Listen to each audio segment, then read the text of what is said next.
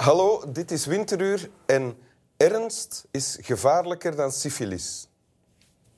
Dat ontdekte in 1922 I.K. Bonset. Ik weet niet hoe, hoe gevaarlijk syfilis is eigenlijk. Het was gevaarlijk, nu minder. Maar Ah, ja. in de tijd gingen mensen daarvan dood. Zeer agressief. Oké. Nu is dat meer behandelbaar, opspoorbaar, dus minder eh, Ah, een volksgezondheidsprobleem. Oké. Maar ernst is dus nog gevaarlijker. Swami. Bami, let op je tellen.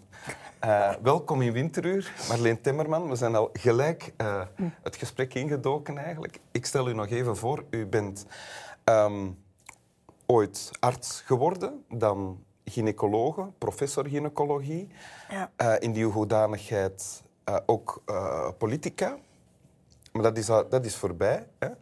Eh, ook werkzaam worden in de Wereldgezondheidsorganisatie en ondertussen, eigenlijk sinds de jaren tachtig, al bezig in, in werkzaam in, in Afrika, ook in Kenia. Ja. En nu woont en werkt u daar aan de universiteit eh, in Nairobi. In Nairobi, ja. Ja, klopt hè? Klopt, amai.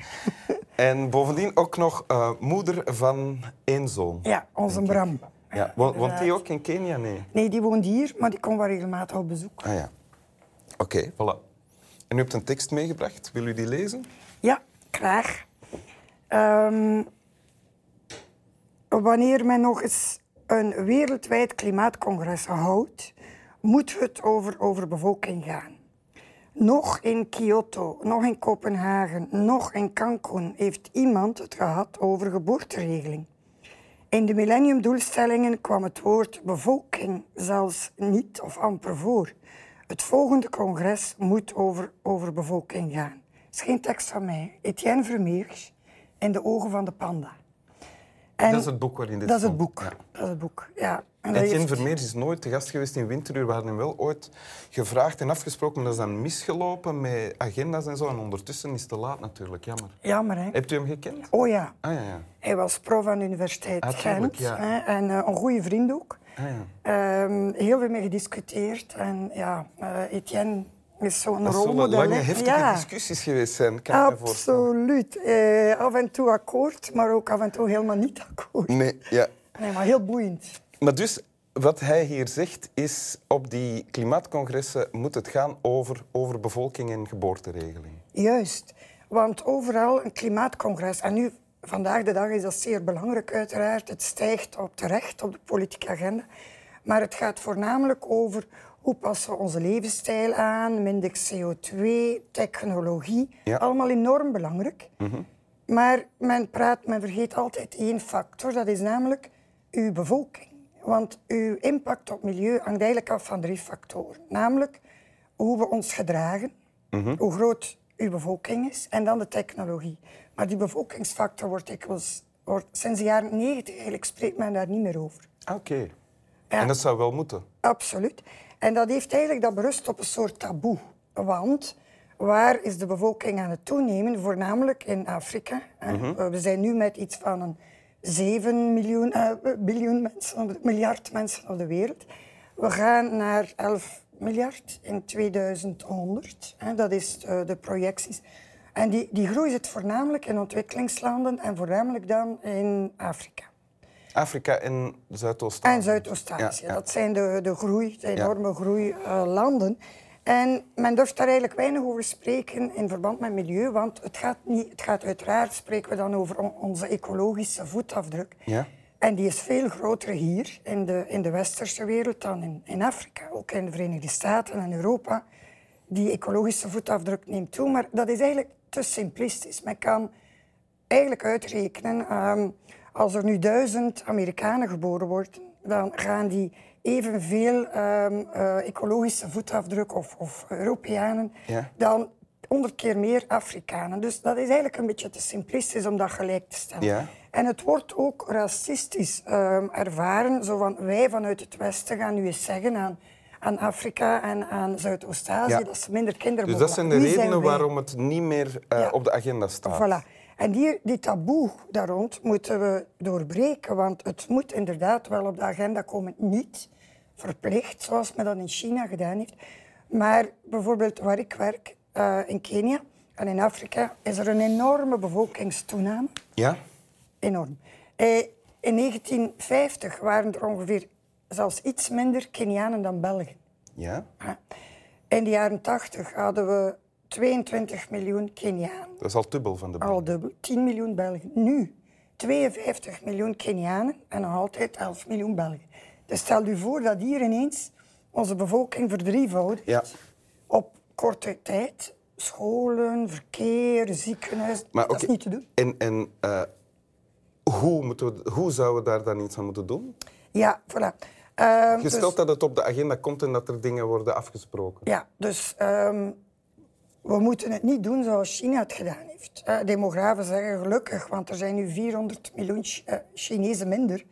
Dan had het één-kindprogramma er niet geweest. China heeft, heeft ja, jarenlang het één-kindprogramma. Ja, en hebben ze dat nu niet meer? Nee, nee, nee. nee. Ah. Nu is dat afgeschaft, mag men al twee kinderen hebben, ja. eventueel zelfs als men het aanvraagt me- meer.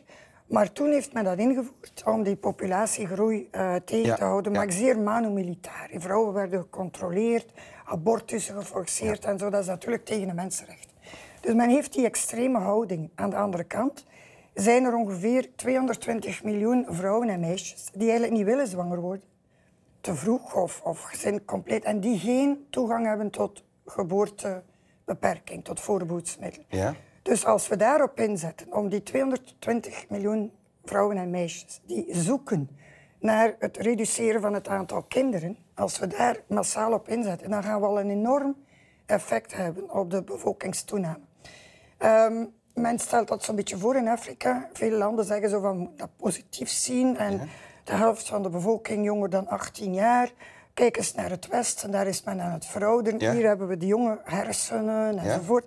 Prima, men spreekt van een youth dividend. Dus een positief, en dat is ook waar. Voorwaarde dat je al die kinderen kunt naar school sturen, dat je die een opleiding kunt geven, Ja. dat die een job hebben. En dat in Kenia is men Is dat, wel ook, sterk is dat trouwens ook niet belangrijk in die geboortebeperking? Uiteraard. eh, re- eh, opleiding? Ja. Opleiding is zeer belangrijk. Vrouwen die opleiding gehad hebben, bijvoorbeeld, hebben gemiddeld minder aantal kinderen. Want die gaan ook werken en die, gaan ook, die zoeken ook hun levensstandaard te verbeteren. En Ja. dan heb je ook meer ecologische voetafdruk, wordt groter. Maar iedereen heeft het recht daarop. Maar toch eh, denk ik dat we moeten vooral inzetten op die... En dan heb je meteen eh, verschillende factoren ineens. Want eh, het is goed voor de gezondheid van de vrouw. Niet het ene kind na het andere. Goed voor de gezondheid van het gezin. Kleine kinderen, kleine gezinnen heb je meer kans op scholing enzovoort. Ja? Eh, het eh, is ook een, een vrouwenrechtenfactor in feite. Hè? Want waarom zijn er zoveel problemen dikwijls? Moedersterft enzovoort. Omdat vrouwen niet het recht hebben om zelf te beslissen hoeveel kinderen, wanneer, met wie enzovoort. Dus die culturele en religieuze factoren spelen nog- enorm een rol. Maar hebt u met het werk dat u doet nu impact daarop? Ja, Ja? stilaan. We werken daar nu al zoveel jaar, 30 jaar langer eigenlijk. Ehm, en daar, niet alleen door ons werk, ik bedoel, je gaat dat nooit alleen doen, maar er is inderdaad door te werken op, ja, vanuit de gezondheidssector, maar ook op ehm, ehm, politieke, eh, politiek niveau en zo, geraakt dat programma meer en meer hoger op de agenda. En gaat men stilaan sensibiliseren. Dus we zien in Kenia dat het gemiddeld aantal eh, kinderen per vrouw afgenomen is van ongeveer zes. Twintig jaar geleden ligt dat nu op drie en een beetje, drieënhalf. Dus Wow, dat men is wel ziet- spectaculair men eigenlijk. ziet enorme verbetering, voornamelijk in de steden. Er is nog altijd een grote bevolkingstoename in rurale gebieden, in armere Ja. gebieden waar vrouwen minder te zeggen hebben. Maar het gaat beter. Ja. Ja. Dus men moet daar eigenlijk altijd rekening mee houden. Men spreekt over de iPad. Dat is die, de impact op, op het milieu. Ja. Eh, afhankelijk van die drie factoren: populatie, gedrag en technologie. En het is niet de technologie alleen die het gaat veranderen, niet alleen die bevolkings, eh, die contraceptie en zo, dat niet alleen, maar gezamenlijk. Dus mijn, mijn pleidooi is altijd, en dat is wat Etienne hier eigenlijk in die tijd zelfs al zei.